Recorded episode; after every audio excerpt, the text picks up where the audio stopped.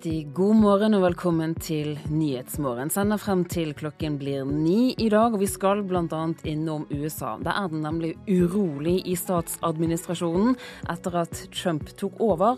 Annet har alle seniorrådgiverne i administrasjonsavdelingen i Utenriksdepartementet nå gått av. Så fortsetter VM-festen i kveld. Herrelandslaget i håndball har overrasket stort til nå. I kveld er det duket for semifinale. Så skal vi også innom krangel som pågår om oljevirksomhet utenfor Lofoten, Vesterålen og Senja. For nå er det steile fronter. Motstanderne tror ikke på løftene om hundrevis av arbeidsplasser. Dette er noe av det du får mer om her i Nyhetsmorgen. I studio, Turi Grønbekk. Vi skal aller først til at det er en uvanlig stor utskiftning av erfarne diplomater og ledere i det amerikanske utenriksdepartementet. Den skriver avisen The Washington Post. Administrasjonen til president Donald Trump vil ha nye folk i sentrale stillinger. Noen velger selv å gå, ifølge avisen og utenriksmedarbeider Jan Espen Kruse. Det som nå skjer i amerikansk UD, hvor uvanlig er det? Eh, først må vi jo si at eh, med en ny president og en ny administrasjon, så er det alltid store utskiftinger i eh, statsadministrasjonen i USA, også i Utenriksdepartementet. Men det vanlige er at de sentrale personene, veldig mange, blir bedt om å bli i en overgangsperiode som strekker seg over en del, en del uker. Men vi kan kanskje si at det er nå en uvanlig president som har overtatt. Og derfor er det kanskje naturlig også til en viss grad eh, med større utskiftinger enn det som er eh, vanlig. Det har ikke kommet veldig eh, samlede tall på hvem det er som går eller blir bedt om å gå. Du nevnte altså at alle seniorrådgiverne i administrasjonsavdelingen har sluttet. Men eh, vi har ikke det totale bildet. Men det Washington Post da legger vekt på, er at det, det er atskillig eh, flere personer som skiftes ut enn det som er normalt. Snakker vi da om det kan være et ledelsesvakuum? Eh, David Wade, som ledet eh, UD under John Kerry eh, da han var utenriksminister, han sier at eh, dette er det største kollektive tapet av institusjonell hukommelse som noen kan huske, og det blir veldig vanskelig å erstatte, for å si det enkelt, som han sa det da. Han sier det til nyhetsbyrået Ap. Men lederen for de UD-ansatte sier at eh, det som skjer nå, ikke er så uvanlig, selv om det ser ut til å være nokså store endringer på kort tid. Eh, så det er en viss uenighet. De som er tidligere ansatte i UD, eh, mener det er mer alvorlig enn de som er der nå. Og så kommer det også meldinger om at sjefen for det amerikanske grensepolitiet også skal ha trukket seg. Ja, det er uklart om vedkommende har blitt bedt om å gå, eller har eh, gått selv. Eh, men det skjer altså samtidig med at Trump annonserer veldig store omveltninger i den politikken som føres langs eh, USAs grenser. Så amerikanske medier lurer på om det er et sammenfall her, da. Og En av de tingene som er foreslått, er denne mye omtalte grensemuren mot Mexico. Det siste døgnet har forholdet mellom USA og Mexico blitt stadig dårligere etter at Trump da går inn for at denne muren skal bygges og betales av meksikanerne. Hva skjer nå? Ja, uh, I går kveld ble det jo klart at um, den meksikanske presidenten da ikke reiser til uka til Washington slik det var planlagt. Så det, det besøket er avlyst. Og så kom det da i natt dette forslaget om at det, amerikanerne skal legge 20% skatt på varer fra Mexico. Uh, det var Trumps talsmann som sa det først. Og så kommer noen andre og sier at ja, det er nok bare én av flere muligheter. Så det er ikke helt sikkert det blir akkurat sånn. Eh, meksikanerne de sier at eh, skulle det skje, så vil jo eh, amerikanske forbrukere blir rammet ved at varer blir mye dyrere i USA. Og var det meningen? Da blir det jo amerikanske forbrukere som indirekte skal betale for muren. Så Situasjonen er mildt sagt uoversiktlig. Frontene er veldig harde, og situasjonen er helt uvanlig. Jan Espen Kruse, takk for at du var med oss her i Nyhetsmorgen. To menn ble brutalt ranet i sine egne hjem i natt. I Akershus ble en mann i 60-årene slått, bundet og fast frastjålet bl.a. telefonen i hjemmet sitt på Bjørkelangen, og politiet jakta deretter to menn. Den andre er 79 år og bor i Skien. Han ble angrepet da han åpnet døren for tre personer, forteller operasjonsleder Vidar Aaltvedt. Han slapp de inn, og umiddelbart etterpå så blei han slått ned eh, og frarana lommebok, eh, mobiltelefon, bankkort i alle fall. Og han ble da funnet av en nabo, blodig og forslått.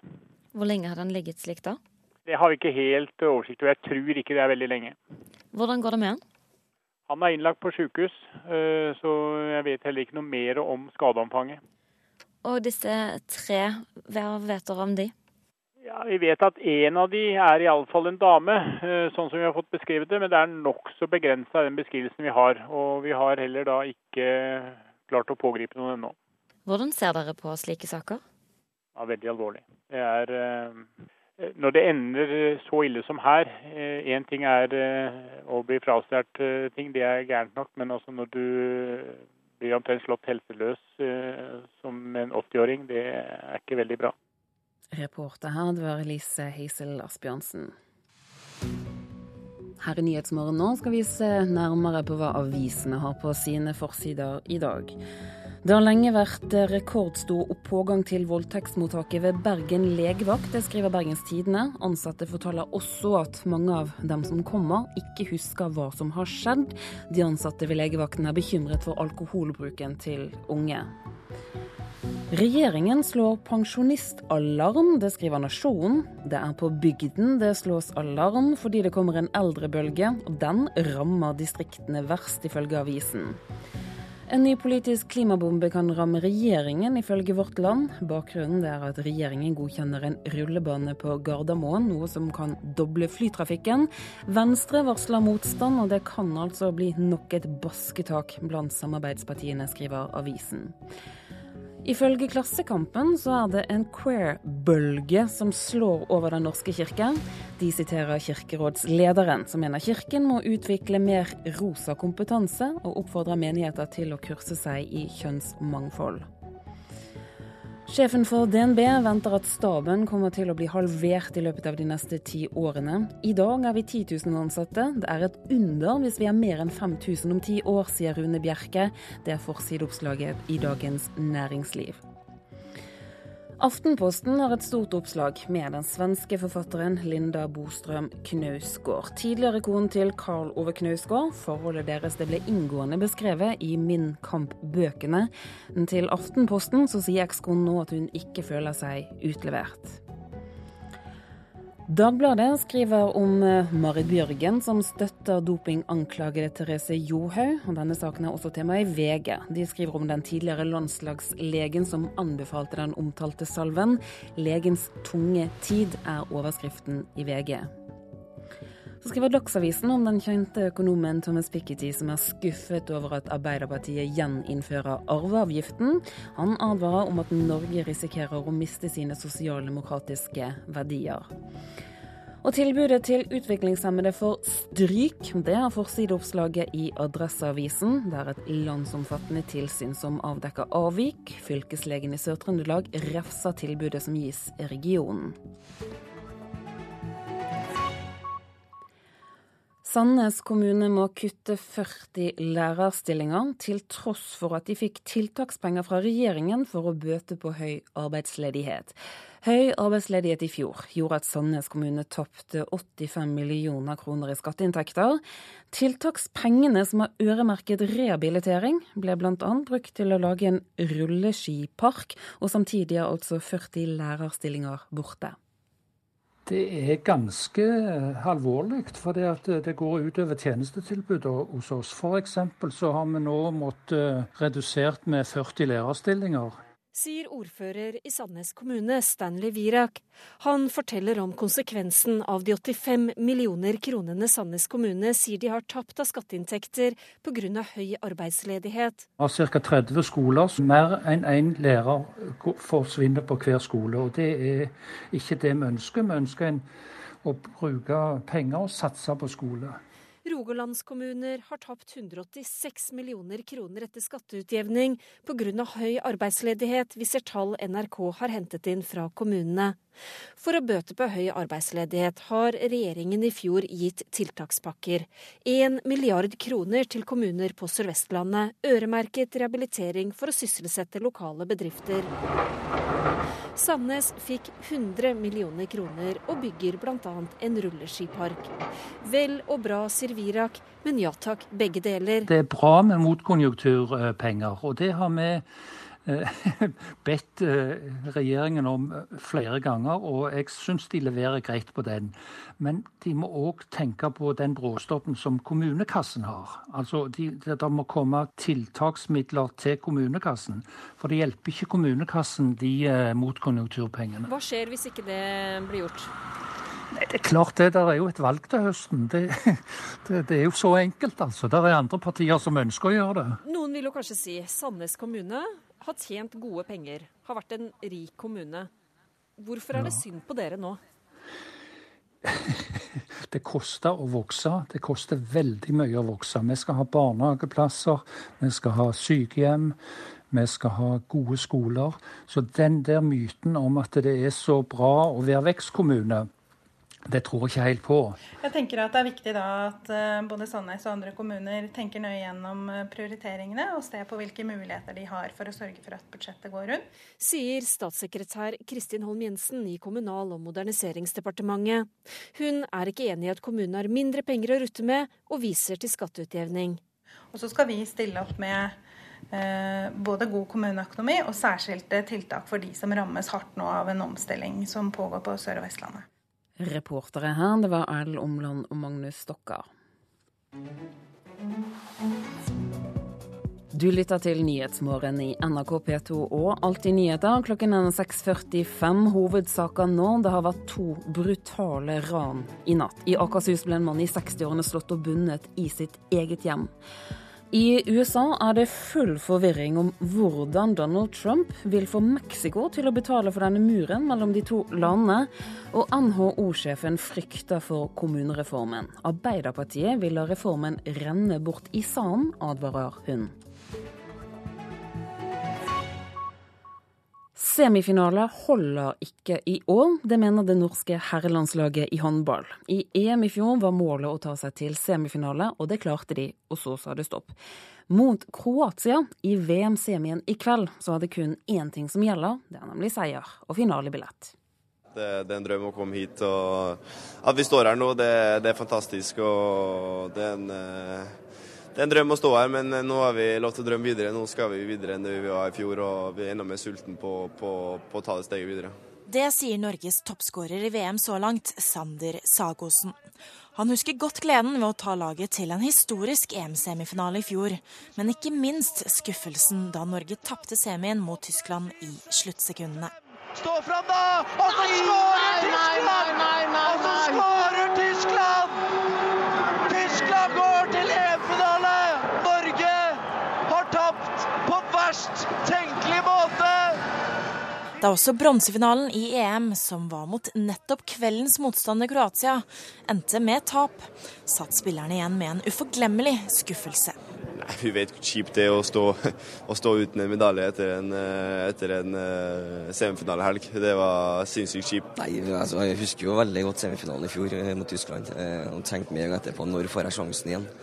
Når får det laget her muligheten igjen til til å stå i en semifinale? Heldigvis for trener Christian Berge og resten av håndballgutta gikk det ikke mer enn ett år. Nå venter en ny historisk semifinale. Denne gangen i VM, og da holder det ikke med en fjerdeplass. Vi skal vinne. Altså, vi, nå må vi jo gå for gullet. Nå, nå har vi muligheten til det. Ja, Det sa keeper Torbjørn Bergerud, reporter det var Malin Jørnholt. Øystein Havang, du er med oss nå, ekspertkommentator her i NRK. Er du overrasket over at Norge nå har klart å komme seg til semifinalen? Ja, jeg må jo si at eh, Det de har vist oss, det overrasker. For de gjør det på en så fantastisk måte gjennom et angrepsspill og en entusiasme som eh, liksom vinner hjerter også blant publikum. og Det å komme til semifinale eh, i et herremesterskap i håndball, det, det er jo ingen som har vært i nærheten av, av norske herrelag tidligere. Så det overrasker. Men de, når man ser dem og analyserer, så er det ikke tvil om at de har kvaliteter til å komme langt. Ja, Fortell om det. Hva er det som har gjort at de har kommet så langt? Nei, det er, det er, mange ting som, eh, som, treffer eh, samtidig. Altså, de har jo eh, fått et spillerutvalg og spillertyper med, med, med gode individualister som, som, har et felles mål, og da å, jobbe steinhardt for det. Og, og, og, sånn sett bygger man da på de kvalitetene og vinner kamper mot de store nasjonene. Så der har jo Christian Berge gjort en ekstremt god jobb i å funnet det riktige materialet. Og så er det noen overraskelser. Vi var litt spent på en målvakt, om det skulle holde internasjonalt, men det også er eh, blitt helt i ypperste eliten. Og så har de bare surfa på en medgangsbølge. Hvem er den beste spilleren? Nei, det, I håndball så vinner du kun som lag, så, så, det, så, så, man er avhengig av alle. Men det er klart at man, det er jo noen som har stukket seg fram som, eh, som, eh, som vi legger merke til. En Sander Sagåsen som kanskje har vært eh, til nå VMs beste spiller. Eh, han er offensiv playmaker som eh, lager masse mål sjøl og gjør de andre gode. og Er mulig å få tak i på banen. Har et finterepertoar, et skuddrepertoar, som, som få er i nærheten av. Og I tillegg så har vi et kollektivt godt forsvarsspill sammen med målvakt, som gjør at vi kan bruke noe av den kollektive styrken som ligger i vår løpskraft, da, eller Norges løpskraft. Vi straffer motstanderen med hurtige kontringer og, og raske skåringer. og og, og, summen av mange spillemessige ting pluss det mentale her eh, gjør at uh, det blir som det blir. Og vi er, vi, er, uh, vi som kaller oss eksperter, er uh, gledelig overraska og, og, sitter jo litt og klyper oss i armen. Så, så, vi har rett og slett klart å bygge et godt herrelag. For til nå så er det kvinnene som har gjort det bedre i internasjonale mesterskap? Ja, definitivt. Og, og, jeg har jo for en steinalder siden, holdt jeg på å si, så var jo vi, eh, lå vi langt bak eh, det, det kvinnelandslaget presterte, og har jo alltid på, på en måte måttet tåle den sammenligninga. Men de har bygd en kultur eh, fra, fra, tidlig 90-tall og, og framover. Og den kulturen er man i ferd med å bygge nå. Det tar tid. Og Der har, eh, har landslagsledelsen nå truffet, eh, truffet, veldig. og Så får vi håpe at den at det fortsetter, og at det blir kontinuitet på trenersida og, og spillersida. Selv om det er noe trangere i toppen på, på herresida. Det er flere lag som, eh, som holder høy klasse. Så det er, eh, misforstå meg rett, det har vært noe verre å nå helt igjennom. Men når man først kommer inn i en, en semifinale, da er jo alt mulig. Øystein Havang, vi er i ferd med å slippe opp for tid, men helt kort, hva tror du om mulighetene til å slå Kroatia? Ja, De tror jeg aldri har vært bedre. Eh, Kroatia frykter Norge. De sier Norge spiller den flotteste håndballen. De har stor respekt, og Norge er i flytsonen. Så, så, vi har en kjempesjanse, men i en semifinale i VM så må jeg si 50-50. Øystein Havan, takk for at du var med oss her i Nyhetsmorgen. Oljemotstanderne tror ikke på løftet om hundrevis av nye arbeidsplasser dersom det blir oljevirksomhet utenfor Lofoten, Vesterålen og Senja. Det kom fram på et godt besøkt folkemøte i Tromsø i går kveld. Olje- og energiminister Terje Søviknes fra Fremskrittspartiet er derimot overbevist om at oljevirksomhet kan gi mange arbeidsplasser i Nord-Norge. Jeg kommer fra Vestlandet, og det vi har opplevd som følge av aktiviteten i Nordsjøen i 50 år nå, har gitt enorme ringvirkninger. og det er ikke uten grunn at man kaller aksen mellom Stavanger og Bergen for gullkysten i Norge. Kan du gi noe tall på hvor mange arbeidsplasser det blir? Nå ser en jo hva man har fått ut av aktiviteten i Barentshavet, bare med Snøhvit og eh, Goliat. Eh, tett på 10 000 arbeidsplasser eh, er skapt, og 5 milliarder i omsetning i leverandørindustrien. Og det er kort og godt at aktivitet på sokkelen gir òg automatisk aktivitet på land. Det er ingenting som tilsier at det skal skapes mange hundre arbeidsplasser. Wenche Kømming fra Folkeaksjonen Et oljefritt Lofoten, Vesterålen og Senja. Hvis vi ser på de antallet arbeidsplasser som har blitt skapt i forhold til det som eh, både Sandnessjøen og Harstad og Hammerfest, så er det lite som tyder på at eh, det kommer til å bli noe mer. Og Hvis de legger gassrørledning videre nordover, så eh, kommer det i hvert fall ikke til å bli mange arbeidsplasser. Ja, nestleder i Venstre, Ole Elvestuen. Hva slags garantier kan du gi nordlendingene hvis dere kommer inn i en regjeringsposisjon? et, om Lofoten, Vesterålen og Senja. Vi kommer til å gå imot en åpning, uansett eh, hvordan Stortinget ser ut. Og kommer til å bruke vår posisjon for å holde Lofoten, Vesterålen og Senja oljefritt. Reporteren var Lars Egil Mogård. Den norske artisten Gabrielle gjør braksuksess i Sverige, takket være TV-serien Skam. Artistens manager tror det blir viktigere for norske artister å promotere låtene sine i TV-serier fremover. Man kan ikke gå ut i Sverige på et dansegulv uten å høre 'Fem fine folk med Gabrielle'.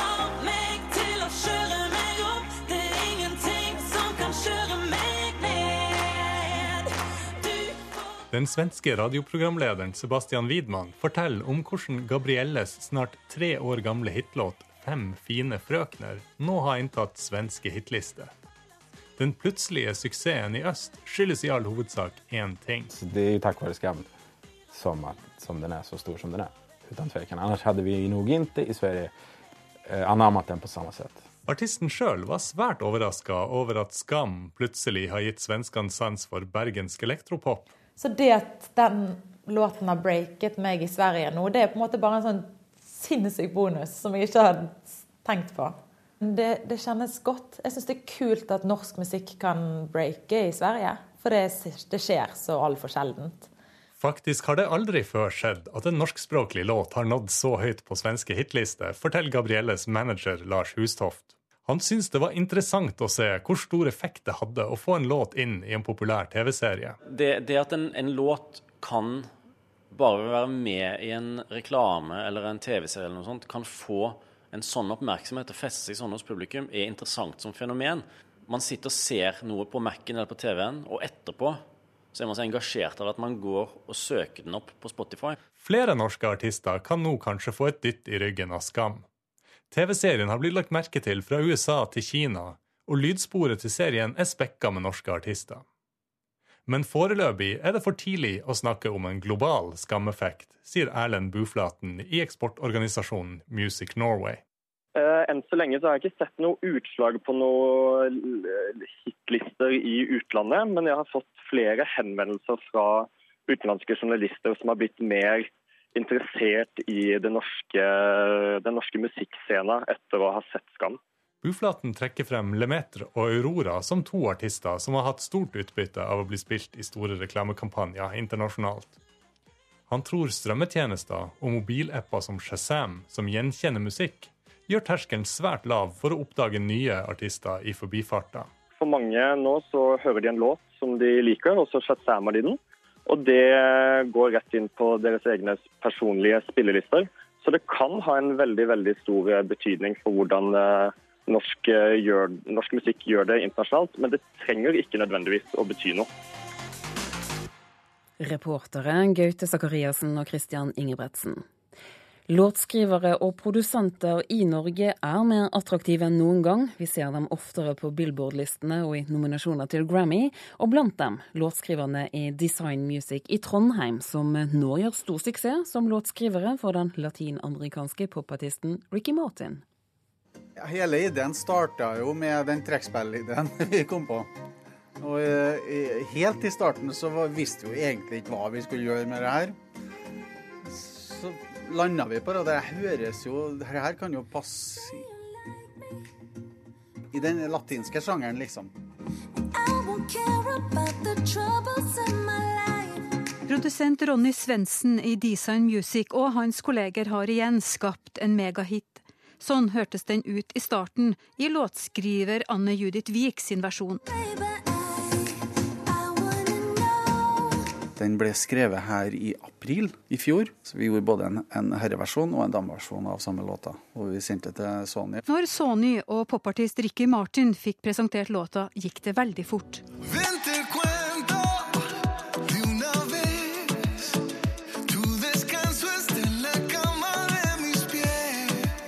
Låta klatra raskt på toppen av Billboards latinliste, og musikkvideoen er vist over 430 millioner ganger på YouTube siden den ble publisert i høst.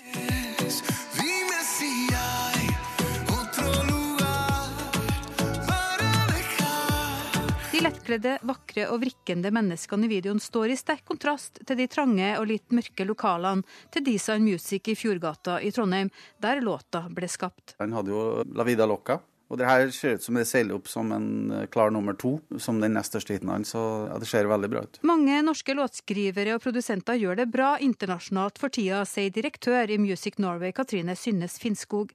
De merker godt at etterspørselen øker. Og Det kommer jo også på bakgrunn av at man har over tid bygd opp internasjonale relasjoner. Man har hatt aktivitet hjemme, sånn som f.eks. låtskrivercampene under eh, Song Expo i Trondheim. Og så har man hatt et par kommersielle hits med norske artister de siste åra. Så jeg tror at kombinasjonen av det, pluss en del flere digitale distribusjonsmuligheter, har gjort oss attraktive på et internasjonalt marked. Tilbake i studio i Fjordgata i Trondheim jobbes det nå frem nye hits. Etter stor låtskrivercamp retta mot det latinamerikanske markedet sist uke, har de ni nye sanger klar. Og vi kommer sikkert til å holde fokus nå i de neste to-tre månedene framover på å skrive låter mynta på det latinamerikanske markedet. Man prøver jo alltid å, å, å, skrive en hit, men det er ikke enkelt. Man treffer ikke hver gang. Sånn er det bare.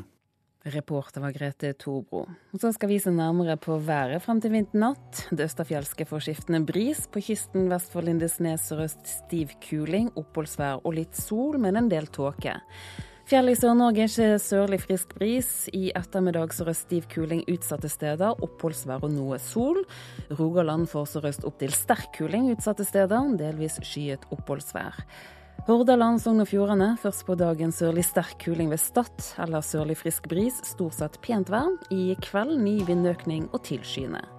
Møre og Romsdal og Trøndelag får periodevis sørlig stiv kuling på Sunnmøre, men ellers pent vær. Nordland sørvest opp i stiv kuling. Utpå dagen minkende til frisk bris i sør. Om kveld også minking i nord. Det blir spredt regn nord for Bodø, ellers opphold. Troms og Finnmark sørvest eller vest opp til sterk kuling på kysten, ellers bris. Det blir litt regn og sludd. Og Spitsbergen får opp i liten kuling utsatte steder, enkelte snøbyger i nord. Temperaturene viser at det var minus 18 grader på Svalbard klokken fire i natt. Kirkenes minus 3, Vardø 0, Alta 2, Tromsø 6 grader. Det hadde også Bodø. Brønnøysund 4, Trondheim minus 3, Molde 0, Bergen 3 grader. Stavanger 0, Kristiansand-Kjevik 1 grad, Gardermoen minus 2, Lillehammer minus 6, Røros minus 9 og Oslo-Blindern 0 grader klokken fire.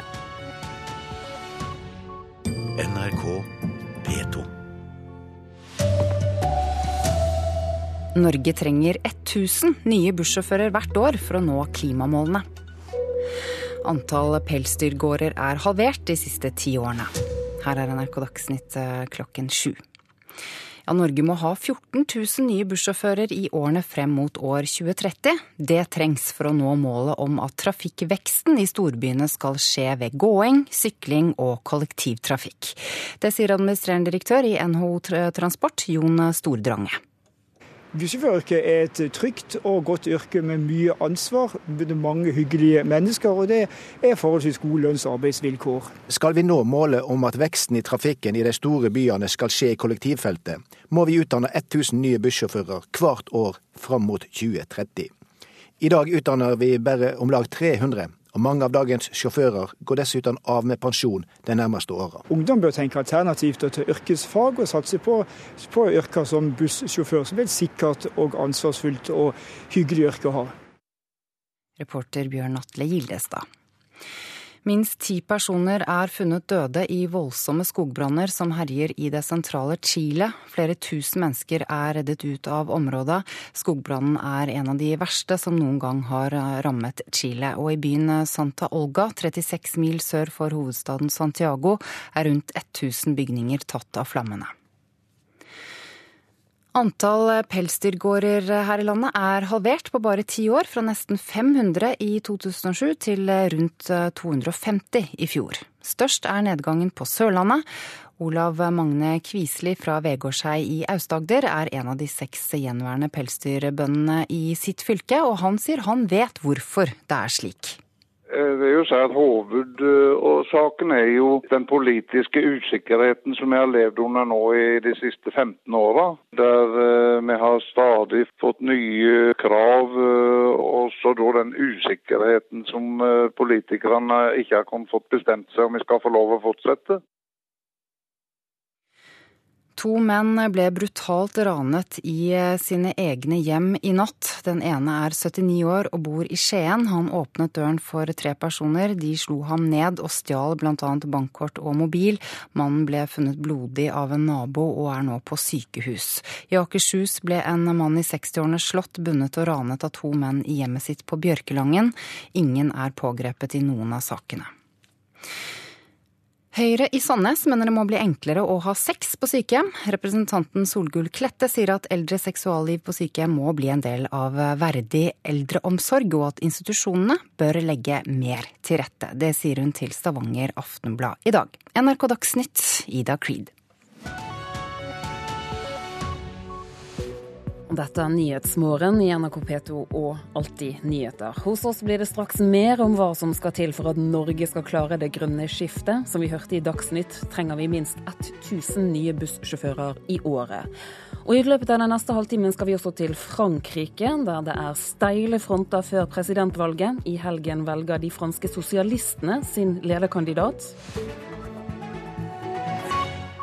Før vi kommer så langt, så skal vi først til USA, der det oppsto full forvirring i går kveld om hvordan presidenten tenker å få Mexico til å betale for grensemuren han har gitt ordre om å bygge. Vi vil legge en 20% toll på alle varer fra Mexico. Det sa pressetalsmann Sean Spicer i går kveld, men litt senere så var han ikke så sikker. Det var på presidentens fly Air Force One på vei tilbake fra Philadelphia i går kveld at Trumps pressetalsmann fortalte journalisten om bord om en ekstra toll på all import fra Mexico. I fjor hadde den importen en verdi på i overkant av 50 milliarder dollar.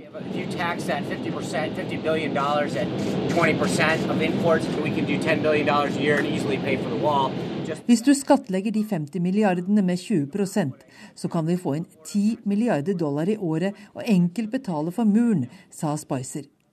Lederen for republikanerne i Senatet, Mitch McConnell, sa tidligere i går at muren vil koste mellom 12 og 15 milliarder dollar. Litt senere på kvelden ble journalistene som følger presidenten, kalt inn igjen til Det hvite hus. Ideen om ekstra toll er bare én av flere, sa Spicer da. Men det er den eneste som Trump-administrasjonen til nå har presentert for offentligheten. Prisene på biler, bildeler, mat og andre varer fra Mexico ville øke kraftig med en slik skatt, sier økonomene. Mexicos president Enrique Peña Nieto avlyste i går det planlagte møtet med Trump neste tirsdag, etter at Trump tvitret at det ikke var noe poeng å møtes hvis Mexico ikke ville betale for muren. Trump forklarte sin holdning nærmere på konferansen for samtlige republikanske kongressmedlemmer i Philadelphia. Unless Mexico is going to treat the United States fairly, with respect, such a meeting would be fruitless, and I want to go a different route. Mexicos manglende betalingsvilje er altså et uttrykk for at landet ikke behandler USA med respekt. Og da vil USAs nyvalgte president heller velge en annen vei enn å møtes. Senere i dag møter president Trump Storbritannias statsminister Teresa May. Hun er en varm tilhenger av frihandel, og de to skal bl.a. diskutere tiltak for å gjøre det enklere for foretak å etablere seg i hverandres land. Storbritannia kan formelt ikke forhandle om ny handelsavtale med USA så lenge landet ikke har gjort opp boet i forhold til EU. Groholm, Washington. Og Donald Trump er en venn og en god alliert. Det understreket Storbritannias statsminister Theresa May i talen sin i Washington i går. Samtidig sa hun at Storbritannia og USA har et spesielt lederansvar i verden, og at hun vil fornye det spesielle forholdet mellom de to landene. Vi skal høre hva hun sa her. Because it is through our actions over many years, working together to defeat evil or to open up the world, that we have been able to fulfill the promise of those who first spoke of the special nature of the relationship between us the promise of freedom, liberty, and the rights of man. Og jeg skal spørre London-korrespondent Espen Aas, hva slags støtte har Theresa May fra den jevne brite for å legge seg på en samarbeidsvillig linje til Donald Trump? Vel, Donald Trump er også her i Storbritannia ansett som en ganske kontroversiell mann, og har jo vært det gjennom lang tid. Vi skal jo huske på at Storbritannia var jo det landet der parlamentet brukte en hel kveld på å diskutere hvorvidt man kunne nekte mannen innreise til eh, landet. Eh, dette var jo lenge før han ble president, eh, som kjent, men han har vært en mann som i likhet med andre europeiske land, har figurert mye i nyhetene med sine kontroversielle uttalelser. Når det er sagt, så vet vi også at et flertall av britene ønsket Storbritannia ut av EU. Dermed vet mange også at Storbritannia har behov for nye handelsavtaler. Eh, og forholdet mellom britene og amerikanerne er jo stort sett eh, godt. Eh, og kanskje håper de vel at Theresa May kan påvirke Donald Trump i en noe mer positiv retning. Det er vel ingen som tror at han forsvinner med det første, akkurat. Og I dag så møtes altså Theresa May og Donald Trump. Hva kan vi forvente av henne i møte med Trump? Ja, dette blir jo spennende. De skal jo møtes på det ovale kontor. Eh, og en av de tingene som Donald Trump har gjort i forkant eh, av møtet med Theresa May, er at han har hentet tilbake bysten av gamle statsminister Winston Churchill. En byste som eh, jo forgjenger Barack Obama fjernet, og som nåværende utenriksminister Boris Johnson jo omtalte ikke akkurat rosende ordelag i sin tid. Han har altså snakket pent om Storbritannia, slik at det skulle jo ligge til rette at det blir en, en, hyggelig tone, men presset har også vært stort på Theresa May fra politiske kolleger og opponenter om at hun må ta opp eh, litt eh, vondere saker, slik som hans kvinnesyn, slik som hans støtte til tortur her om dagen. Og britene er jo også veldig skeptiske til at Donald Trump ikke ser ut til å være like kritisk til Russland som britene selv er. Men hvor tøff tone hun vil velge å legge seg på det første møtet, er vel noe uklart klart. Hun vil vel forsøke å gjøre minst mulig av det, og heller forsøke å knytte bånd på de områdene de er enige. Men hun har i hvert fall sagt at hun ikke er redd for å ta opp kontroversielle saker. Og når man kommer på besøk, så har man ofte med seg gaver. Hva har hun med seg? Ja, dette har fått uh, en del oppslag her i Storbritannia. Eh, til Donald Trumps kone har hun med seg diverse engelske produkter eh, som hun sikkert vil ha nytte av matmessig. Men når det gjelder Donald Trump selv, så har Theresa May tatt med seg noe fra Skottland. Donald Trumps mor er jo fra Orkenøyene, som ligger nord for Skottland. og Hun har da tatt med seg et gammelt, tradisjonelt drikkebeger. Men det er et drikkebeger som gjerne ble brukt for å drikke en veldig tradisjonell skotsk drikk, nemlig whisky. Men Donald Trump han er total avholdsmann. Så får vi se hvordan det går. London-korrespondent Espen Aas, takk skal du ha. Skal rette blikket hjemover igjen. Dersom Norge skal nå sine egne klimamål, så trenger vi 1000 nye bussjåfører hvert år fram til 2030. Og dette trengs for å nå målet om at trafikkveksten i storbyene skal tas med gåing, sykkel og kollektivtrafikk. Kan du tenke deg å bli bussjåfør? Mm, dessverre ikke. 18 år gamle Astrid Eken tar gjerne bussen, men hun har ingen planer om å ta over styringa. Daniel Frydenlund står også på terskelen til yrkeslivet. Men bussjåfør? Nei. Hvorfor ikke? For det er ikke noe penger i det. Enkelt og greit? Ja. Ærlig svar. Men skal vi nå målet om at veksten i trafikken i de store byene skal skje i kollektivfeltet, må vi utdanne 1000 nye bussjåfører hvert år fram mot 2030. I dag utdanner vi bare om lag 300, og mange av dagens sjåfører går dessuten av med pensjon de nærmeste åra. Jon Stordrange leder NHO Transport, og han vil ha flere unge bort fra alt snakket om bachelor og master. Ungdom bør tenke alternativt til yrkesfag og satse på, på yrker som bussjåfør, som er et sikkert og ansvarsfullt og hyggelig yrke å ha. Og hvis du liker mennesker, liker å omgås mennesker, så vil jeg gjerne anbefale at du tar bussjåføryrken. Mange bussjåfører, særlig i hovedstaden, har minoritetsbakgrunn. Ebrima Ka er en av dem. Noen ganger kan det være veldig hektisk, særlig på noen bestemte ruter. Å være bussjåfør i Oslo er å være i et fargerikt fellesskap.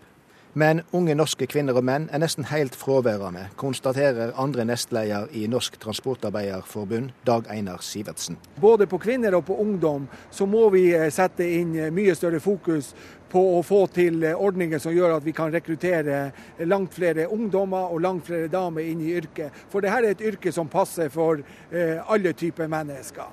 Sjåfør i Unibuss Jan Torstein Klausen setter pris på fellesskapet og skulle gjerne sett at yrket hadde høyere status. Det er jo ikke den statusen det var. Hva gjør det? Det kan være at det kanskje ikke er godt nok betalt. Men dette blir tilbakevist av Transportarbeiderforbundet. Med fagbrev er årslønna om lag 400 000 fra dag én. Jeg tror ikke, Hvis vi i dag spør den enkelte bussjåfør, så tror jeg ikke det er akkurat det lønnsnivået de eh, på en måte er bekymra for. Behovet for nye sjåfører er uansett stort. Sivertsen utfordrer nå skolene. Skal Norge satse utdanninga, så bør de jo satse utdanninga på de yrkene som har arbeidsplasser å tilby i fremtida. Videregående utdanning er fylka sitt ansvar, men kunnskapsminister Torbjørn Røe Isaksen erkjenner de utfordringene som ligger i klimamål og mer kollektivtrafikk. Det vi gjør nasjonalt er jo en del generelle ting. Vi øker lærlingetilskuddet. Nå skal vi gjøre om også for å sikre at eh, det blir lettere å spesialisere seg tidligere når man tar yrkesfagprogrammer. Og så er vi helt avhengig av at fylkene som eier de videregående skolene, gjør jobben med å dimensjonere, altså med andre ord opprette flere plasser der de ser at arbeidslivet har behov. Også kunnskapsministeren mener at statusen til yrker i transportsektoren må opp. Definitivt, og yrkesutdanning er like viktig som universitetsutdanning. Mesterbrev er like bra som en mastergrad. Eh, og hvis ikke vi får folk til å kjøre bussene våre, så får vi jo ikke til det grønne skiftet. Og det er Urban Analyse som på oppdrag for NHO har estimert dette behovet for 1000 nye bussjåfører årlig. Reporter var Bjørn Atle Gillestad. NHO-sjefen Kristin Skogen Lund vil ha drastiske kutt i antall kommuner i Norge, og nå frykter hun at politikerne lar reformen renne bort i sanden. Hun retter sterk kritikk mot Arbeiderpartiets utspill om å reversere alle vedtak om tvangssammenslåing dersom de kommer i regjering etter valget. Altså jeg må si at eh, For et næringsliv da, som står i konstant omstilling, så er det jo merkelig å se på at det skal være så vanskelig å få til en nødvendig reform av kommunesektoren. Sier NHO-sjef Kristin Skogen Lund. Hun har tatt til orde for å kutte dagens 428 kommuner til 100, men mener kommunereformen bare har blitt mer og mer svekket. Sist da Arbeiderpartiet denne uken sa at de kommer til å reversere alle tvangssammenslåinger dersom de kommer i regjering etter høstens valg. Det tok rett og slett Skogen Lund på senga. Nei, jeg visste ingenting. Jeg sto på badet hjemme en morgen og hørte plutselig Helga Pedersen si det på radioen, så jeg ble veldig overrasket over det. Jeg hadde ikke trodd at de skulle gå så langt. Hun skjønner ingenting av Arbeiderpartiets utspill. Her har Arbeiderpartiet for det første ikke bidratt til reformen, men at man nå går så langt som at man skal reversere det man faktisk da får til, det reagerer jeg sterkt på. Jeg syns det er uforståelig, og jeg syns faktisk også det er uansvarlig. Vi har en god tradisjon for at disse partiene har stått sammen om de store reformene, og den tradisjonen bryter Arbeiderpartiet nå.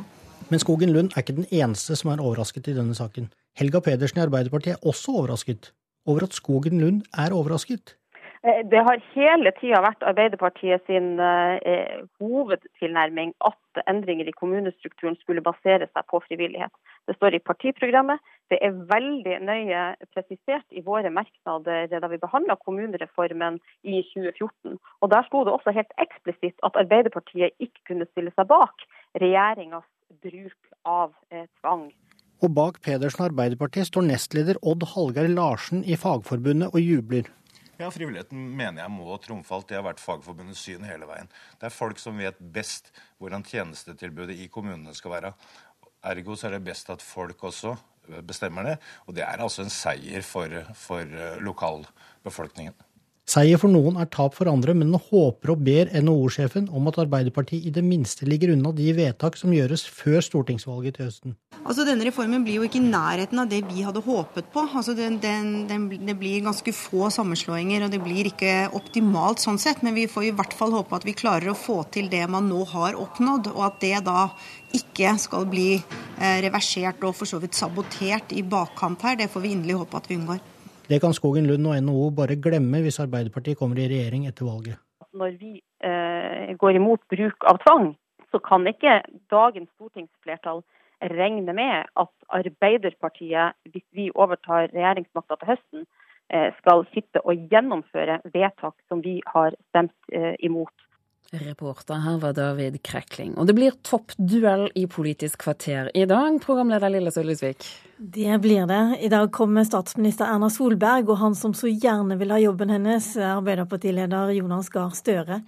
Arbeiderpartiet har jo fått mye kritikk for å vingle i kommunepolitikken. De har gått inn for eh, at tvang kan brukes i helt spesielle tilfeller tidligere. Men uh, i dag så slår Støre også tilbake mot den kritikken og beskylder regjering og støttepartier for å sitte på lukka rom i Stortinget og diskutere hvilke kommuner som skal slå sammen da, med tvang. Og så skal de to snakke om skatt også, for nå er katta ute av sekken. Arbeiderpartiet vil øke skattene med 15 milliarder, og det syns Erna Solberg selvsagt er minst 15 milliarder for mye. Hva hun har tenkt å gjøre, det har nok Støre tenkt å prøve å få et svar på, og vi også. Om eh, en liten halvtime. I Politisk kvarter med Lilla Sølhusvik. Nå lytter du til Nyhetsmorgen. Klokken den er 7.17. Hovedsaker nå. Det er full forvirring om hvordan Donald Trump vil få Mexico til å betale for muren. Norge trenger 1000 nye bussjåfører i løpet av eh, de neste årene for å klare det grønne skiftet. Og det er steile fronter og stor avstand mellom høyre- og venstrefløyen i Frankrike. I helgen velger sosialistene sin presidentkandidat. Og det skal handle om presidentvalgkampen i Frankrike nå. Det er altså på søndag at det franske sosialistpartiet velger hvem som skal være presidentkandidaten deres. De må velge mellom tidligere statsminister Manuel Valls og Benoit Benoit Hamon. Og Hamon gikk seirende ut av første nominasjonsrunden. Han går til valg på å fjerne diesel innen 2025, og å legalisere dødshjelp, og å innføre en borgerlønn. Og europakorrespondent Philip Lote han blir av mange utenfor Frankrike beskrevet som et ubeskrevet blad. Så hva er det han står for? I tillegg til det du sa, så er han jo for fri hasj, og han er tidligere undervisningsminister. Det som er hans fordel i denne nominasjonen på venstresiden, er at han gikk av i 2014 eh, som undervisningsminister fordi han var uenig i den linjen som president eh, Francois Hollande eh, valgte. Så han er ikke bundet opp til Hollande på den måten eh, som Vals er. Eh, og det gjør han kanskje mer populær i grasrota på venstresiden. Men spørsmålet er om det gjør han mer valgbar når selve presidentvalget finner sted.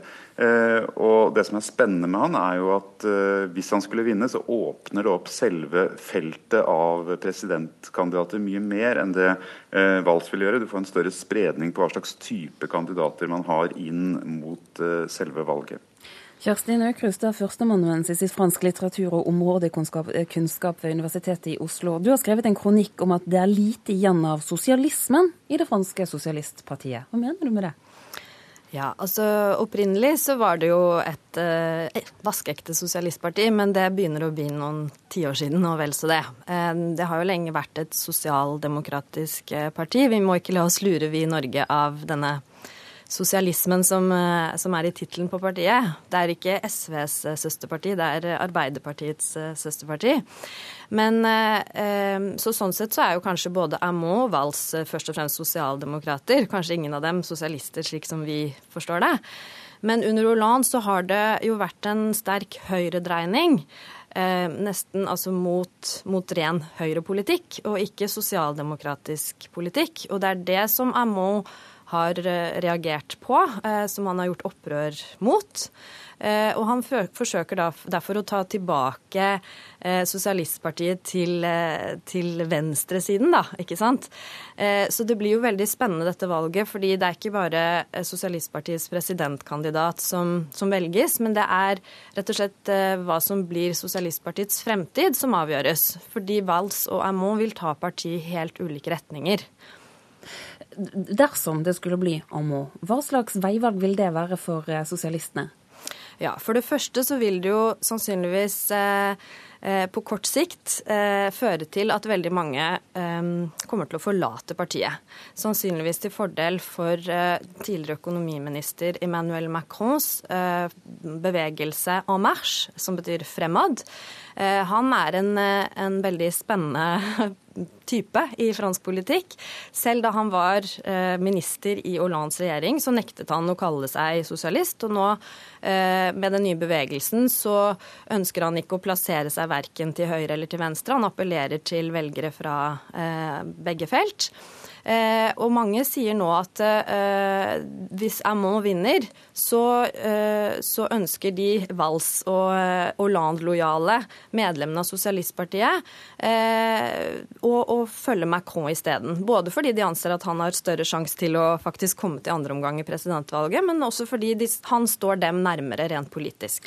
Philip Lote, hva slags betydning vil du si at eh, valget på søndag har for framtiden til Sosialistpartiet? Ja, Det er som Aukrust sier avgjørende for hvilken retning partiet skal ta, hvilken rolle de skal spille i fransk politikk. Det er et av de statsbærende store partiene i Frankrike. og eh, valget av Amon, altså Hvis de skulle velge han på søndag, så, så, ligner det litt på hva som har skjedd med Labour i Storbritannia, hvor eh, partiet, eh, selve partiet har gått lenger til venstre og har sluttet lojalt opp om en eh, mer eh, venstreorientert kandidat eh, enn det velgerne er villige til. Eh, så Valls bekymring her er at partiet vil marginalisere seg selv. Eh, og Sånn sett er det interessant, for dette ser vi da i flere europeiske land. Altså Du har et større engasjement i medlemsmassen, men de ønsker å flytte partiet lenger til venstre. Eh, og dermed så blir det kanskje mindre valgbart for den store eh, folkemassen. Det er i hvert fall det kritikerne sier. Eh, og så er det interessant det Aukrust sier om Macron. fordi at dersom Amon vinner, så blir det jo et større spillerom for han. Nettopp fordi også at de konservative valgte en veldig typisk konservativ, tradisjonelt sosialt konservativ, økonomisk for så vidt konservativ politiker i Francois Fillon. Eh, så, så gjør at han eh, hadde risikert å konkurrere i et veldig tett sentrumsorientert felt. Men hvis Amot nå vinner, og Fillon er på den andre siden, så har han et ganske stort rom å manøvrere i. Eh, og vi har snakket med mange i Frankrike de siste månedene som ligger litt til venstre eller litt til høyre, som nå sier at de syns at Emmanuel Macron er en veldig spennende kandidat. Og han er jo da ikke bundet av gamle politiske kutymer, han er ikke bundet til fagforeningene. Eh, han er ikke eh, på samme måte bundet til det konservative establishment-etablissementet i Frankrike. Eh, sånn at eh, dette, altså det valget som sosialistene eller Arbeiderpartiet da gjør på, på søndag, eh, blir veldig viktig for eh, feltet inn mot presidentvalget, og, og, det er i seg selv veldig spennende. Vi eh, må spørre helt kort til slutt. Tror du at Amor har muligheter til å vinne, Aukrust? Nei, dessverre, det tror jeg ikke. Men det som kan bli spennende, det er eh, hvilke allianser som kan danne seg eh, hvis Amon overtar eh, ledervervet i Sosialistpartiet. Fordi han har også en veldig sterk miljøprofil. Så han har allerede hintet om at han frir til De Grønnes kandidat Yannick Jadot. De Grønne har altså sin egen presidentkandidat. Og i tillegg så har det nå kommet fram at han, Amon og Jean-Luc Mélenchon, kandidaten på ytre venstre, skal ta en kaffe sammen, og så får vi se hva det fører til. Det får vi. Kjerstin Aukrust og Philip Lote, takk for at dere var med oss her i Nyhetsmorgen. Avisforsidene nå. Regjeringen slår pensjonistalarm, det skriver Nasjonen. Det er på bygden det slås alarm fordi det kommer en eldrebølge. Den rammer distriktene verst, ifølge avisen. En ny politisk klimabombe kan ramme regjeringen, ifølge Vårt Land. Bakgrunnen er at regjeringen godkjenner en rullebane på Gardermoen som kan doble flytrafikken, og Venstre varsler motstand. Sjefen for DNB venter at staben kommer til å bli halvert i løpet av de neste ti årene. I dag har vi 10 000 ansatte. Det er et under dersom vi er mer enn 5000 om ti år, sier Rune Bjerke på forsiden i Dagens Næringsliv. Dagbladet skriver om Margit, eh, Marit Bjørgen som støtter dopinganklagede Therese Johaug. Dette er også tema i VG. Mens kaldt uvær og dårlig vær i nord gjør at mange faller på glatten. Det skriver avisen Nordlys. Blant annet er det meldt om 366 akutte håndskader som har krevd operasjon de siste dagene. Tilbudet til utviklingshemmede får stryk. Det er forsideoppslaget i Adresseavisen. Dette er et landsomfattende tilsyn som avdekker avvik, skriver altså Adresseavisen i dag. Politimannen Samir Katto fra Palestina startet sin egen matvarebutikk for å få seg jobb og et levebrød i sin nye hjemby Vadsø. Nå hjelper han andre innvandrere å finne veien gjennom det norske byråkratiet. Jeg bruker krydder og ris, og alt. Grønnsak, grønnsaker. Mm. Tikka Tappa og datteren Iso er innom butikken til Samir Kato for å finne ingredienser til dagens middagsmat. Her finner familien fra Nepal matvarer fra hele verden. Ja, altså vi bestiller jo masse sånne grønnsaker som ikke, som ikke finnes på andre norske butikker. Butikkeier Samir Kato er egentlig politietterforsker. Men da han kom til Vadsø fra Palestina i 2009, var det vanskelig å få jobb. Og han bestemte seg derfor for å starte multikulturbutikken En smak av verden. Ja, vi er fornøyd. Og nå, etter to år, jeg kan si at vi er veldig heldige. Fordi etter to år vi klarte å stemme for å, leie lokalet. Vi kjøpte eget lokale. Vadsø har de siste årene bosatt mange flyktninger, og i dag utgjør de om lag 17% av befolkningen. Mange av disse kommer innom butikken til Samir for å be om råd for å komme seg ut i arbeid. Mette Vestli i Hermetikken kulturnæringshage har derfor tatt Samir Katto inn i et nasjonalt prosjekt for å få flere innvandrere ut i arbeid. Eh, for de fleste så er jo det å starte egen bedrift en utfordring i seg sjøl. Eh, for dem som kommer fra helt andre land med helt andre kulturer, så blir det en sånn ekstradimensjon av utfordringer som de må forholde seg til. Og det vi ser sånn i statistikken, det er jo at det er faktisk like mange med innvandrerbakgrunn som det er nordmenn som starter egne bedrifter. Og da tenker jo vi at her har vi jo kanskje et potensial å ta tak i. Eh, når vi har så mange med innvandrerbakgrunn i Vadsø som også besitter spennende kompetanse. Det er Innovasjon Norge som har bedt Hermetikken kulturnæringshage å styre dette prosjektet. Kunnskapen som Samir Katto har opparbeidet i møte med lover og regler i det norske arbeidsmarkedet, gir han nå videre både gjennom prosjektet til Innovasjon Norge og til de som kommer innom butikken i Vadsø. Jeg jobber her ikke bare som jeg driver butikk. Eh, jeg jobber som tolk på en måte til innvandrere her som de går på Nav. De kom hit, masse papir.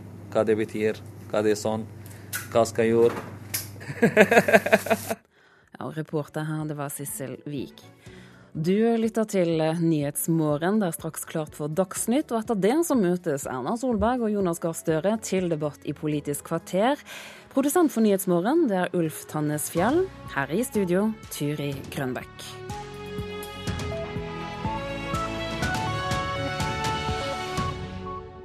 NRK P2. Det utdannes altfor få bussjåfører. Hvis ikke vi får folk til å kjøre bussene våre, så får vi jo ikke til det grønne skiftet. Arbeiderpartiet kommer til å la kommunereformen renne bort i sanden, frykter NHO-sjefen. Høyre-politiker mener det må bli lettere å ha sex på sykehjem. God morgen, her er NRK Dagsnytt klokken 7.30. Norge trenger 1000 nye bussjåfører hvert år frem til år 2030 for å nå målet om at trafikkveksten i storbyen skal skje ved gåing, sykling og kollektivtrafikk. I dag utdanner vi bare 300 bussjåfører i året. Kan du tenke deg å bli bussjåfør? Mm, dessverre ikke. 18 år gamle Astrid Eken tar gjerne bussen, men hun har ingen planer om å ta over styringa. Daniel Frydenlund står også på terskelen til yrkeslivet. Men bussjåfør? Nei. Hvorfor ikke? For det er ikke noe penger i det. Ærlig svar. Jon Stordrange leier NHO Transport. Ungdom bør tenke alternativt til yrkesfag og satse på, på yrker som bussjåfør, som er et sikkert og ansvarsfullt og hyggelig yrke å ha. Og hvis du liker mennesker, liker å omgås mennesker, så vil jeg gjerne anbefale at du tar bussjåføryrken. Mange bussjåfører, særlig i hovedstaden, har minoritetsbakgrunn. Ebrima Ka er en av dem. Sjåfør i Unibuss Jan Torstein Klausen setter pris på fellesskapet, og skulle gjerne sett at yrket hadde høyere status. Det kan være at det uh, kanskje ikke er godt nok betalt. Men dette blir tilbakevist av Transportarbeiderforbundet. Med fagbrev er årslønna om lag 400 000 fra dag én. Jeg tror ikke, Hvis vi i dag spør den enkelte bussjåfør, så tror jeg ikke det er akkurat det lønnsnivået de eh, på en måte er bekymra for. Videregående utdanning er fylka sitt ansvar, men kunnskapsminister Torbjørn Røe Isaksen erkjenner de utfordringene som ligger i klimamål og mer kollektivtrafikk. Og så er vi helt avhengig av at fylkene som eier de videregående skolene, gjør jobben med å dimensjonere, altså med andre ord opprette flere plasser der de ser at arbeidslivet har behov. Eh, og hvis ikke vi får folk til å kjøre bussene våre, så får vi jo ikke til det grønne skiftet. Er Urbanet Analyse som på oppdrag for NHO har estimert behovet for 1000 nye bussjåfører hvert år. Reporter var Bjørn Atle Gildestad. To menn ble brutalt ranet i sine egne hjem i natt. I Skien ble en 79 år gammel mann slått ned da han åpnet døren for tre personer som stjal bankkortet og mobiltelefonen hans. Mannen ble funnet blodig av en nabo og er nå på sykehus. Og i Bjørkelangen i Akershus ble en mann i 60-årene slått, bundet og ranet av eh, to i hjemmet sitt. Og ingen er pågrepet i noen av disse sakene. Det oppsto full forvirring i går kveld om hvordan USAs president tenker å få Mexico til å betale for grensemuren han har gitt ordre om å bygge. Vi vil legge 20% toll på alle varer fra Mexico, sa pressetalsmann Sean Spicer i går kveld. Litt senere var han ikke så sikker. Det var på presidentens fly Air Force One på vei tilbake fra Philadelphia i går kveld at Trumps pressetalsmann fortalte journalisten om bord om en ekstra toll på all import fra Mexico. I fjor hadde den importen en verdi på i overkant av 50 milliarder dollar.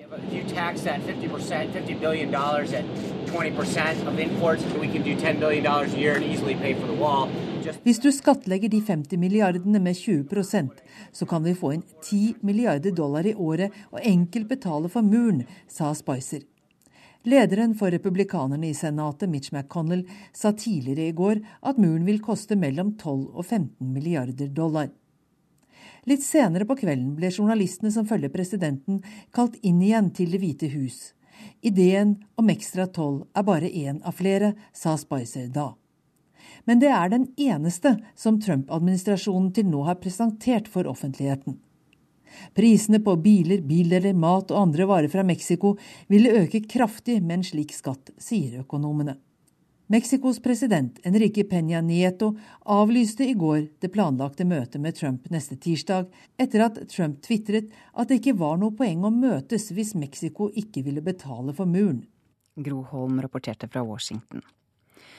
NHO-sjef Kristin Skogen Lund er kritisk eh, til Arbeiderpartiets utspill om å gå tilbake på alle vedtak om tvangssammenslåing av kommuner dersom partiet kommer i regjering.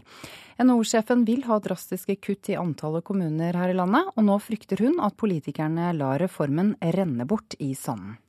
Altså jeg må si at eh, For et næringsliv da, som står i konstant omstilling, så er det jo merkelig å se på at det skal være så vanskelig å få til en nødvendig reform av kommunesektoren. Sier NHO-sjef Kristin Skogen Lund. Hun har tatt til orde for å kutte dagens 428 kommuner til 100, men mener kommunereformen bare har blitt mer og mer svekket. Sist da Arbeiderpartiet denne uken sa at de kommer til å reversere alle tvangssammenslåinger dersom de kommer i regjering etter høstens valg.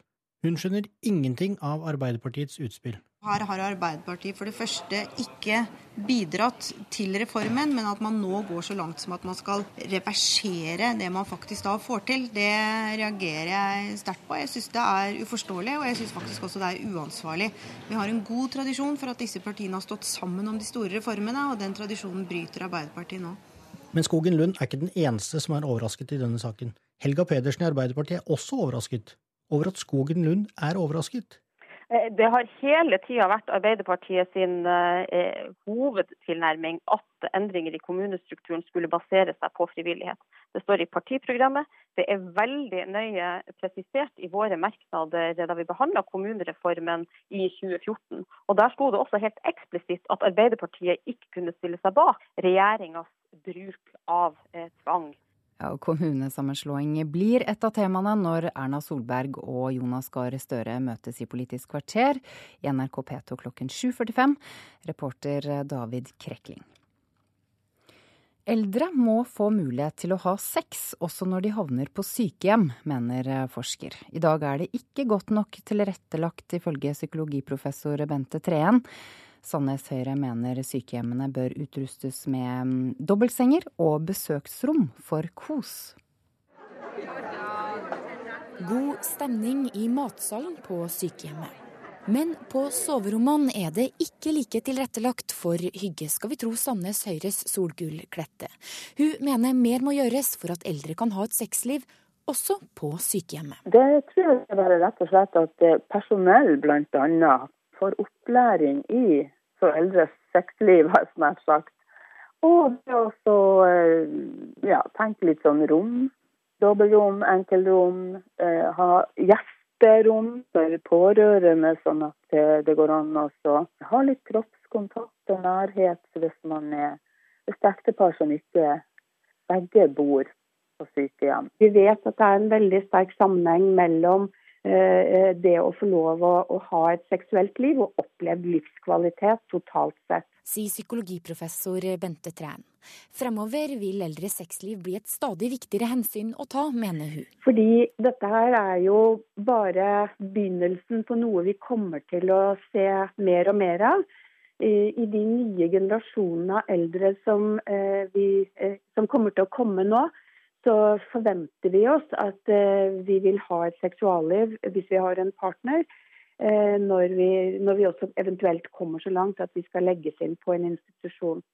Tilrettelegginga handler om en type respekt for et menneskeverd gjennom hele livet. Ja, Det var Stavanger Aftenblad som først omtalte denne saken. Reporter var Marit Gjelland.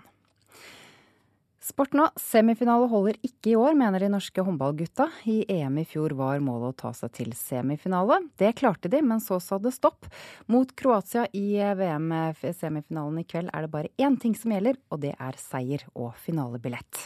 Det er en drøm å stå her, men nå har vi lov til å drømme videre. Nå skal vi videre enn det vi var i fjor, og vi er enda mer sulten på, på, på å ta det steget videre. Det sier Norges toppskårer i VM så langt, Sander Sagosen. Han husker godt gleden ved å ta laget til en historisk EM-semifinale i fjor, men ikke minst skuffelsen da Norge tapte semien mot Tyskland i sluttsekundene. Og så skårer Tyskland! Norge har tapt på verst tenkelig måte! Da også bronsefinalen i EM, som var mot nettopp kveldens motstander Kroatia, endte med tap, satt spillerne igjen med en uforglemmelig skuffelse. Nei, vi vet hvor kjipt det er å stå, å stå uten en medalje etter en, eh, etter en uh, semifinalehelg. Det var sinnssykt kjipt. Eh, tenkte mye etterpå når får jeg sjansen igjen når får det laget her muligheten igjen til å, til å stå i en semifinale. Heldigvis for trener Christian Berge og resten av håndballgutta gikk det ikke mer enn ett år. Nå venter en ny historisk semifinale. Denne gangen i VM, og da holder det ikke med en fjerdeplass. Vi skal vinne. Altså, vi, nå må vi jo gå for gullet. Nå, nå har vi muligheten til det. Reporter Malin Jørnholt, og VM-semifinalen hører du på NRK P1 og NRK Sport fra klokken 20.30. Ansvarlig for Dagsnytt denne morgenen er Elin Pettersen. Jeg heter Ida Creed.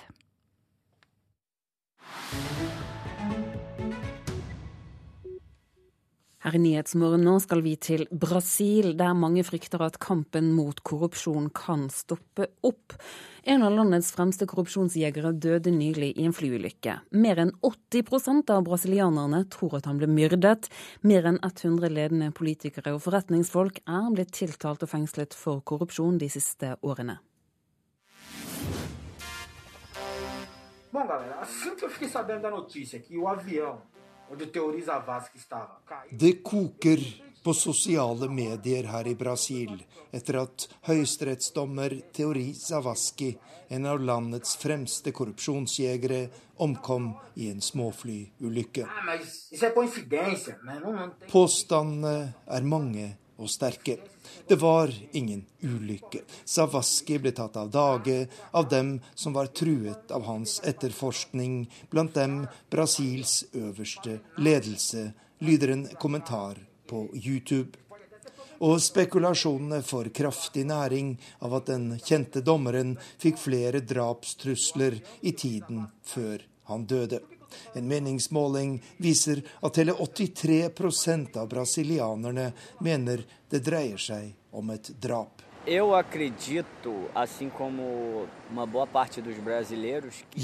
mener, i likhet med mange andre brasilianere, at dette var noe annet enn en ulykke, sier den 32 år gamle Tiago Fernandes, som jeg møter i bydelen Copacabana her i Rio.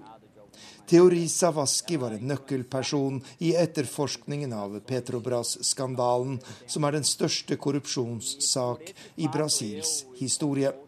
Han skulle legge frem en rapport som truet noen av de mektigste her i landet, og derfor tror jeg at han ble tatt av dage, sier 32-åringen. For brasilianerne er kampen mot korrupsjon en enorm oppmuntring, og de går raskt ut i gatene når korrupsjonsjegernes arbeid er truet. Da nasjonalforsamlingen før jul vedtok en ny lov som gjør det lettere å gå til sak mot landets dommere, deltok titusener av mennesker i demonstrasjoner over hele landet. Kampen mot korrupsjon er avgjørende for Brasils fremtid, sier Thiago Fernandes her i Rio. Det betyr veldig mye for oss å se at det gjøres noe. Det som har skjedd her i Brasil de siste par årene, er jo helt utrolig i et land der de rike og mektige alltid har sluppet straff, nesten uansett hvor mye de har stjålet fra samfunnet. Men samtidig er vi fullt forberedt på at de mektige nå vil slå tilbake med alle midler, og reaksjonene på høyesterettsdommer Theori Zavaskis død viser jo hvor sterk folks frykt og mistillit nå er, sier 32-åringen.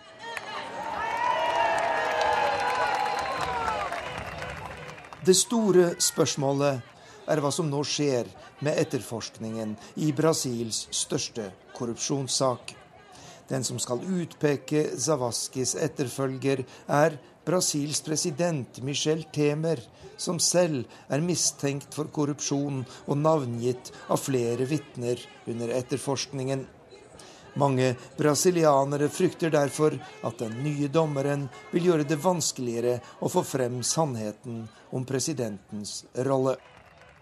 Ja, reporteren, det var Arnt Stefansen. Du lytter til Nyhetsmorgen i NRK P2 og Alltid nyheter. Til nå i sendingen har vi bl.a. hørt at det er full forvirring om hvordan USAs president tenker å få Mexico til å betale for grensemuren han har gitt ordre om å bygge. Her hjemme er det klart at Norge kommer til å trenge 1000 nye bussjåfører hvert år for å nå klimamålene. Arbeiderpartiet kommer til å la kommunereformen renne bort i sanden. Det frykter NHO-sjefen. Og det blir straks debatt bl.a. om kommunereformen i Politisk kvarter. Så nevner vi også om at det kommer utspill fra Høyre, og Høyre-politikere som mener at det må bli lettere å ha sex på sykehjem, er noen av overskriftene her i Nyhetsmorgen denne fredagen.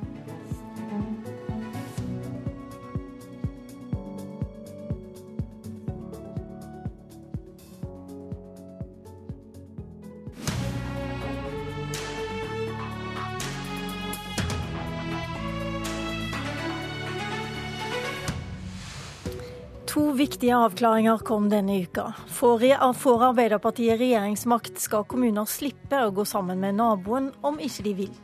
Og skattene skal opp med 15 milliarder. Men Erna Solberg har på ingen måte tenkt å gi fra seg regjeringsmakten.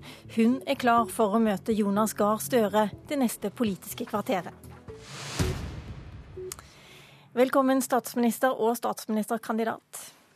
God morgen. La meg starte det, det, med det Arbeiderpartiet skrev i sitt program for denne perioden, og som ble vedtatt av et bredt flertall, inkludert Arbeiderpartiet, i kommunereformen i 2014. Der heter det at unntak fra frivillighetsprinsippet vil være aktuelt i helt spesielle situasjoner der enkeltkommuner ikke må kunne stanse endringer som er hensiktsmessige ut fra regionale hensyn. Jonas Gahr Støre, hvorfor var det greit med tvang i 2013 og 2014, men ikke i 2017. Hva var det som skjedde underveis her? Arbeiderpartiet er veldig for kommunereform. At kommunene slår seg sammen for å løse oppgaver bedre. Det har vi vært hele tiden, og det er vi også nå. Og Gjennom denne stortingsperioden så har det blitt vedtatt opplegg for en reform som skal bygges på frivillighet. Stortingsflertallet har gått inn for det, regjeringen har snakket om det, Arbeiderpartiet har snakket om det. Så har denne muligheten for å bruke tvang nærmest hengt over denne debatten underveis. Jeg mener det har vært ganske unødig og beklagelig. Eh, men det var jo noe du sjøl skrev under på? det er helt riktig, men der har vi gjennom perioden eh, justert vårt syn til at det må bygge på frivillighet. Vårt landsmøte i 2015 slo det veldig klart fast. Så de siste to årene har vi vært helt tydelige på det. Og nå noen måneder før uh, denne stortingsperioden er ferdig, så ligger det an til at rundt 90 vil slå seg sammen frivillig. Det er bra, det heier vi på. De fleste av dem er Arbeiderpartikommuner. Men vi sier at med en prosess som har vært frem og tilbake, det har vært skjulte trusler om tvang, det har vært endrede tidsfrister, det har vært endring i spillereglene, Eh, så må dette baseres på frivillighet. Og Da kommer ikke Arbeiderpartiet til å støtte tvang mot de kommunene som har tatt vedtak om at de ikke ønsker å slå seg sammen. Statsminister Erna Solberg, nå er det sånn at eh, regjeringen og støttepartiene sitter i Stortinget og diskuterer hvem som skal slå sammen. Fordi det er helt spesielle situasjoner der noen sier nei, og andre sier ja. Hvor mm. mange kommuner er det snakk om? Nei, det, det, har jeg ikke noe å si om nå. For dette diskuteres mellom de partene som er med på et kommune, altså med på hele denne kommunereformen. Men kan du bekrefte vi, at det er 10, 12, 14? Nei, jeg kan ikke bekrefte noe som helst tall. For det sitter man der og diskuterer prinsippene om oppfølgingen av det Stortinget har valgt. Og så har jeg lyst til å si at eh, de velgerne som stemte på Arbeiderpartiet i 2013, som trodde Arbeiderpartiet var opptatt av å skape en mer moderne kommunesektor, kommunesektor. Så opptatt av å sørge for at de svakeste i vårt samfunn får kommuner som, som faktisk fungerer. Eh, de som trodde at Arbeiderpartiet var fremoverlent og moderne, de har jo oppdaget nå at Arbeiderpartiet klarer ikke å holde en linje. Det har vinglet, vinglet, vinglet hele denne eh, diskusjonen rundt kommunereform. Vi inviterte Arbeiderpartiet til å være med på dette. Noe av det første vi gjorde, var at jeg inviterte alle lederne for alle partiene til mitt kontor for å snakke om hvordan vi skulle gjøre kommunereform. Arbeiderpartiet ønsket ikke å være med. Arbeiderpartiet har nesten vært med på alle tingene som ligger i kommunereformen. Men siden dag én av at vi startet, så har Arbeiderpartiet gnagd med å hevde at vi skal ha tvang, med å si at det er en annen kommunereform enn det de er for, og så sier de at de er for det, og så er de mot det. I valgkampen i 2015 brukte Jonas Gahr Støre mye tid på og bortforklare de utspillene som var der, som er lik de han nå sier. Det har vært så mye vingling at folk kan ikke stole på Arbeiderpartiet i moderniseringen av offentlig sektor. Men, men reis ut i Norge Erna Solberg, og se på de kommunene som slår seg sammen. Arbeiderpartikommuner er i stort flertall. Arbeiderpartiet er for kommunereform. Det vi hører fra statsministeren nå, det er at definisjonen på en moderne, fremsynt politikk for kommunene, det er bruk av tvang. Det er det vi mener er feil. Vi støtter at kommunene slår seg sammen. Men du syns jo det var riktig for litt siden? Ja, altså vi hadde en liten åpning for dersom det var helt spesielle tilfeller, så kunne man da fatte vedtak i Stortinget. Men vi sier klart fra. Vi har sagt i de siste to årene at slik denne reformen har utviklet seg, slik tilbakemeldingene er fra kommunene Mange kommuner som var i god prosess, de har trukket seg tilbake fordi dette tvangsspøkelset henger over dem. Vi kommer ikke til å støtte tvang. Ja, det er en endring, men den har vært veldig tydelig i to år. Men nå sitter regjeringen der og diskuterer om det er helt spesielle eh, tilfeller der det er nødvendig å bruke tvang. Alle er enige om at frivillighet er best. Jo, men, Kunne du ikke ha venta på de argumentene? Jo, men jeg vil jo si at Nå ser vi jo noe av det som Høyre sa ikke skulle skje. Det skal ikke tegnes norgeskart på et lukket kontor. Det skal ikke skje forhandlinger, dragkamper om én kommune, én kommune inn. Det ville være nyttig nå, tenker jeg, for statsministeren å legge frem den listen over de tilfellene hvor de vurderer å bruke tvang. Det syns jeg hadde vært ærlig og redelig å si at i disse 10-15 tilfellene, eller hvis pressen er riktig, det foregår jo da tydeligvis på et kontor nede i Stortinget, så vurderer vi å bruke tvang. Det vil de ikke legge frem, og det mener jeg det illustrerer at vi er kommet på en slutt i denne prosessen. Alle de 90 slår seg sammen. Det er bra, det støtter vi. Vi kommer til å være for, og vi har arbeidet for det også. Men vi sier altså at i Norge i dag så er det ikke riktig å bruke tvang på slutten av denne prosessen. Jeg har vært rundt omkring i landet og jeg har snakket med Arbeiderpartipolitikere. Enda mer pressen har jo snakket med Arbeiderpartipolitikere denne uken. Og de som har stått i spissen og gjort nettopp den jobben, skapt frivillighet, de har jo samstemt gått ut i avisene denne uken og sagt de føler ikke at det er noe ledelse fra Jonas Gahr Støre. De føler at det er vingling på toppen. De føler ikke noe støtte i det arbeidet de gjør. Og det mener jeg er viktig. Skal du ha store reformer i et samfunn, så må du være konsistent over tid. Du kan ikke vingle og endre deg for hver gang det er opportunt for et stort parti som Arbeiderpartiet å være imot, bare for å være imot regjeringen. Hvorfor har du ikke støtta dine egne folk jo, men, men, men, Støre? Det, er en. Det er riktig at Aftenposten skrev det tidligere. Ja, det er helt riktig, men det er en karikatur, og det er typisk merkelapp-politikk fra Høyre. Altså, eh, de, Det finnes Arbeiderpartikommuner som har ønsket å slå seg sammen med nabokommunen, og så har de oppdaget at nabokommunen ikke ville. De er frustrerte, det kan jeg forstå. Og så kritiserer de Arbeiderpartiledelsen for ikke å ha fulgt opp det. Det blir litt underlig. Men jeg var nede i Skiptvet, en liten kommune, en for øvrig veldig fin liten kommune i Østfold, i går. De feiret 100-årsjubileum for Arbeiderpartiet, et flott arrangement. Der fikk jeg en liste av ordføreren med 140 Arbeiderpartiordførere som understreket betydningen av frivillighetslinjen. Og Hvis du da legger til de 90 kommunene som slår seg sammen, veldig mange av dem er Arbeiderpartikommuner, så ser vi det. De som har funnet gode løsninger ved å slå seg sammen, bedre for næringslivet, bedre for folk, bedre for tilbud, de gjør det. Og de har gjort gjennom grundige prosesser. De som ikke ønsker å gjøre det fordi de tar ansvar for de tilbudene de gir, de gjør det ikke. Det er basert på frivillighet. Og da mener jeg det er en god linje å stå på. Det ligger en utmerket artikkel ute nå på nrk.no som beskriver historien om kommunereformen. Og historien sier jo også at på et tidspunkt var det Arbeiderpartiet som ville gjerne ha tvang og Høyre stoppa det. I 1995 så var det et offentlig utvalg som kom med et forslag om at ingen kommuner skal ha mindre enn 5000 innbyggere. Det sa Høyre nei til, at det skulle være et tegning med kartet fra et offentlig utvalg. Men vi har vært for kommunesammenslåing, og vi har vært for i hovedsak en frivillighetslinje. Og så har vi gjort gjorde vi akkurat det som står i Arbeiderpartiets program, som de gikk til velgerne og sa sist gang, at i noen tilfeller der hvor, hvor, noen kommuner blokkerer for å få en god regional løsning, så må det være mulig å skjære igjennom. Og dette burde egentlig, Hvis du skal skape omstilling i offentlig sektor, så må du, og hvis du skal bygge på frivillighet, så må du være, ha én linje hele tiden. og det, det har regjeringen hatt. Det har partiene vi har på Stortinget samarbeidet med. Men Arbeiderpartiet har vinglet, vinglet, vinglet hele denne tiden. og det er jo derfor dine folk. Det er ikke merkelapp fra Høyre. Dine folk går ut og sier de føler ikke at de blir ledet. De føler ikke at det er konsistent i det. Og de står ute. Og det er tøft å være kommunepolitiker og stå i en diskusjon om kommunesammenslåing.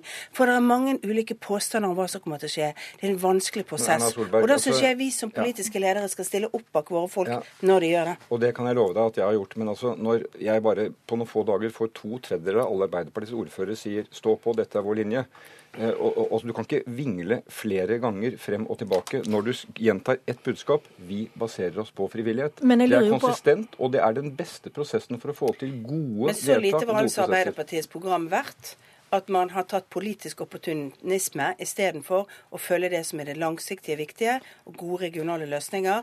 Som når dere hadde programprosess sist gang, var det dere vedtok. Programmet deres gjaldt ikke for disse fire årene. Altså. Men altså, jeg har, Større, bare til slutt.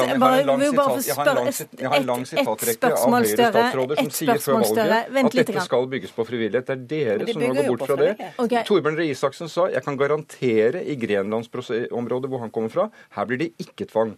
Det har vært altså veldig mye vingling i de utsagnene. Okay. Det, det, det Nok vingling, holdt jeg på å si. Nå vil jeg bare høre litt fra Støre.